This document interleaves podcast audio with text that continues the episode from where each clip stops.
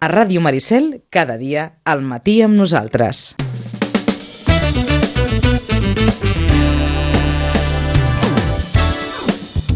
9 i 51 minuts, tothom sabia que era Morevieta, home. Pitu, bon dia de nou. Bon dia de nou, Vicenç. A, aquest, aquest Ho derbi... m'ho preguntat i ai, ai, ai, deixa'm-ho deixa mirar perquè, escolta'm, a- Aquest derbi d'entrenadors entrant i sortint sí, de la Unió Esportiva Sitges, Sí, sí, eh, allò- aquest derbi hauria de tenir morbo, eh? perquè el resultat final és un resultat d'aquells. los caprichos del destino o Ah, les casualitats, digue-li com vulguis, no? Però dissabte es van veure les cares Manel Rodríguez i l'Uri Sorroche, igual que és el mateix, el Sitges i el Moja, en aquest partit de, de, del torneig de segona catalana. Al final es van dur la victòria als Sitges, com molt bé has comentat abans, per 3 a 2. És un partit en què el Sitges el tenia molt ben controlat a la fi dels primers 45 minuts, amb un 3 a 0 que semblava bastant eh, definitiu. I només en els últims 20 minuts, quan el Moja va ser capaç de marcar dos gols, li va donar allò una certa emoció al partit, però al final, com dèiem, aquesta victòria li deixa als Sitges l'opció de, de classificar-se per la següent fase d'aquesta segona, segona catalana, d'aquest torneig de segona catalana, perquè no és la, la lliga eh, a l'ús, com, com s'acostuma a dir en aquests casos. Eh, veurem, li cal guanyar l'últim partit al camp del Sant Mauro, aquest proper dissabte, a partir de les, crec que és a les 4 o a les 5, ara no recordo. Però, però l'ha de guanyar, sí o sí, per eh, quedar primer i accedir a la, a la segona fase. Per tant, allargar una miqueta més la temporada, que no sé si ve massa de gust a segons qui, però bé, en qualsevol cas, eh, és una temporada molt, molt, molt estranya, eh, però entenc que pels que competeixen i pels que s'entrenen i pels que es veuen les cares eh, cada cap de setmana sí que ve de gust. Òbviament, seguir endavant, encara que sigui a costa d'allargar una miqueta més la, la, la, la competició i les setmanes d'entrenament. Eh, potser és massa d'hora, però algú ja contempla la propera temporada, diguem-ne, dins dels cànons habituals? Doncs no ho sé, Vicenç. Ningú ha dit res no en veu no ho sé, alta, perquè en eh? aquest sentit la federació tampoc s'ha pronunciat. Mm, Vaja, jo voldria entendre que sí. Mm, Aquest any el tema de la segona catalana ha estat, diguem-ne que excepcional. No s'ha acabat d'entendre perquè la resta de competicions sí que han fet les seves, les seves lligues.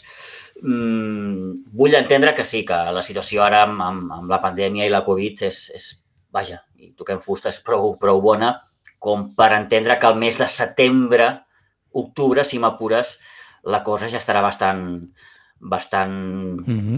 eh, no sé com dir-ho, mm, mm, bona com perquè les competicions es puguin començar ja a disputar amb normalitat i amb, i amb, i amb públic, allò sense cap restricció. No ho sé, perquè em repeteixo que les federacions encara no, no s'han pronunciat. Prou feina han tingut a gestionar aquesta temporada tan, tan, tan estranya, com hem dit en més d'una ocasió, però bé, en qualsevol cas, la temporada encara continua i, com dèiem, els Sitges encara eh, la pretén allargar una miqueta més si guanya, com dèiem, aquest proper cap de setmana al camp del, del Sant Mauro. El Sitges B? El Sitges B mm, va perdre, ho tenia complicat perquè jugava contra el Montserrat Igualada, que és el líder indiscutible del grup 12 de la tercera catalana.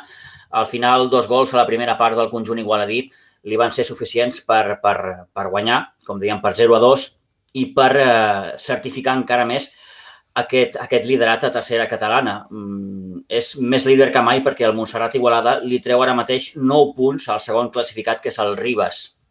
Un Ribas que va començar molt fort la temporada, que a les últimes jornades doncs, no ha estat massa, massa afinat, massa fi, però bé, en qualsevol cas no deixa de ser un, un rival també eh, dels potents aquesta temporada a tercera catalana. El Sitges B, amb aquesta derrota, es manté en el cinquè lloc de la classificació amb 18 punts, està lluny, com ja fa unes setmanes que comentem, dels primers llocs de la, de la classificació.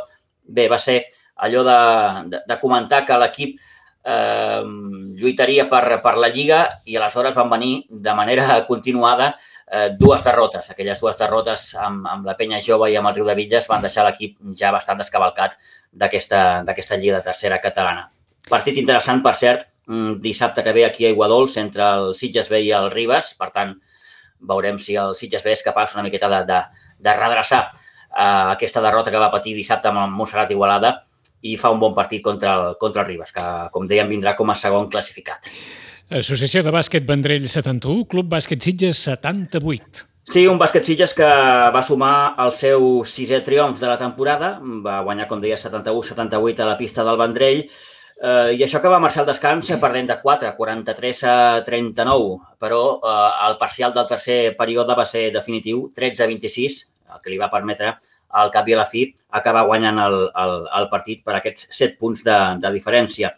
En l'apartat anotador, els màxims eh, dels Sitges van ser Oriol Camproví amb 16 punts, Mauro Pérez amb 12 i Fernando Albaladejo amb 11. En aquest partit, entre el bàsquet Sitges i el Vendrell, es tornarà a repetir, però ara, aquí a Pinsbens, aquest proper dissabte a partir de les 6 de, de la tarda. Amb aquesta victòria, com dèiem, la sisena de la temporada, el Sitges continua liderant el seu grup de, de segona catalana. Rugby Sitges 14, Rugby Sant Cugat 24. Sí, eh, ho vam titular l'altre dia a l'Instagram com, com a ressaca, com a ressaca de, de, de, de, de victòria, perquè en aquest cas el Sitges eh, afrontava aquests quarts de final de la Copa d'Or catalana jugant contra tot un Sant Cugat. Dic tot un Sant Cugat perquè el Sant Cugat ara mateix és un equip de, de, de superior categoria, de la divisió d'honor B.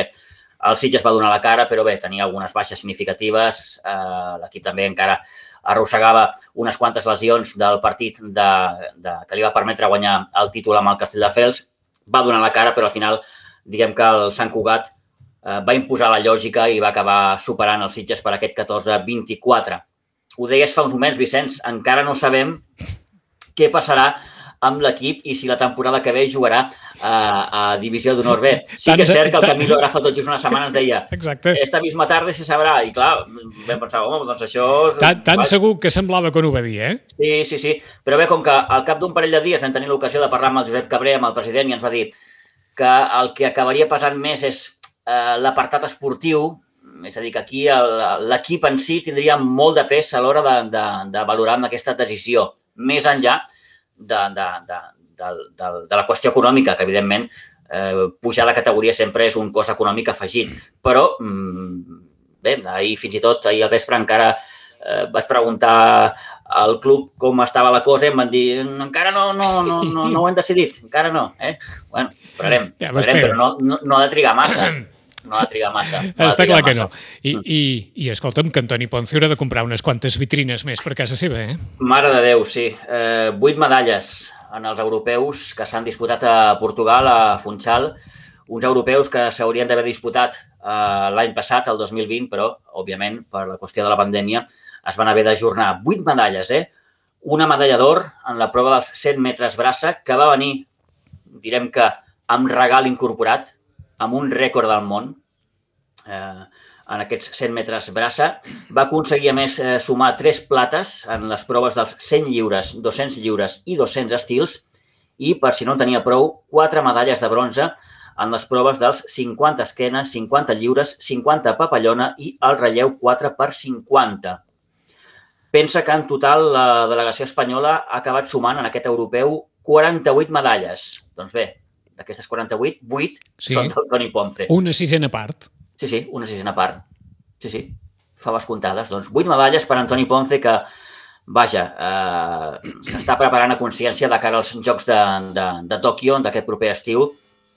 I, escolta, m'atreveixo a dir que el Toni Ponce tornarà de Tòquio mm, amb algun metall penjat, eh? Segur.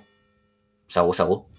I és fàcil poder-ho mm, predir, però en qualsevol cas el, el, el Toni em fa molta gràcia perquè quan, quan, quan penja les, les, les fotos amb totes les medalles, eh, clar, aquest Perquè- cop han estat vuit medalles, algú li feia la, la broma, li deia, Toni, escolta'm, eh, que patiràs de cervicals Exacte.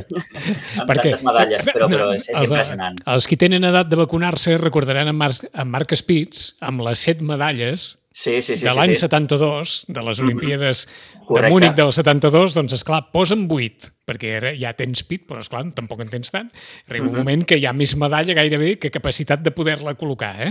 Però Sí, fa, sí. la fotografia és molt bonica i, evidentment, tot el que representa, perquè és extraordinari el, el resultat i el currículum i la trajectòria d'en d'en Toni Ponce. I és sense cap mena de dubte un dels referents quan parlem de, de la natació adaptada. La, la seva participació, ja sigui en un mundial, en un europeu, en uns jocs, en qualsevol campionat, el Toni sempre destaca i acaba doncs, sumant molts metalls. Està clar que sí.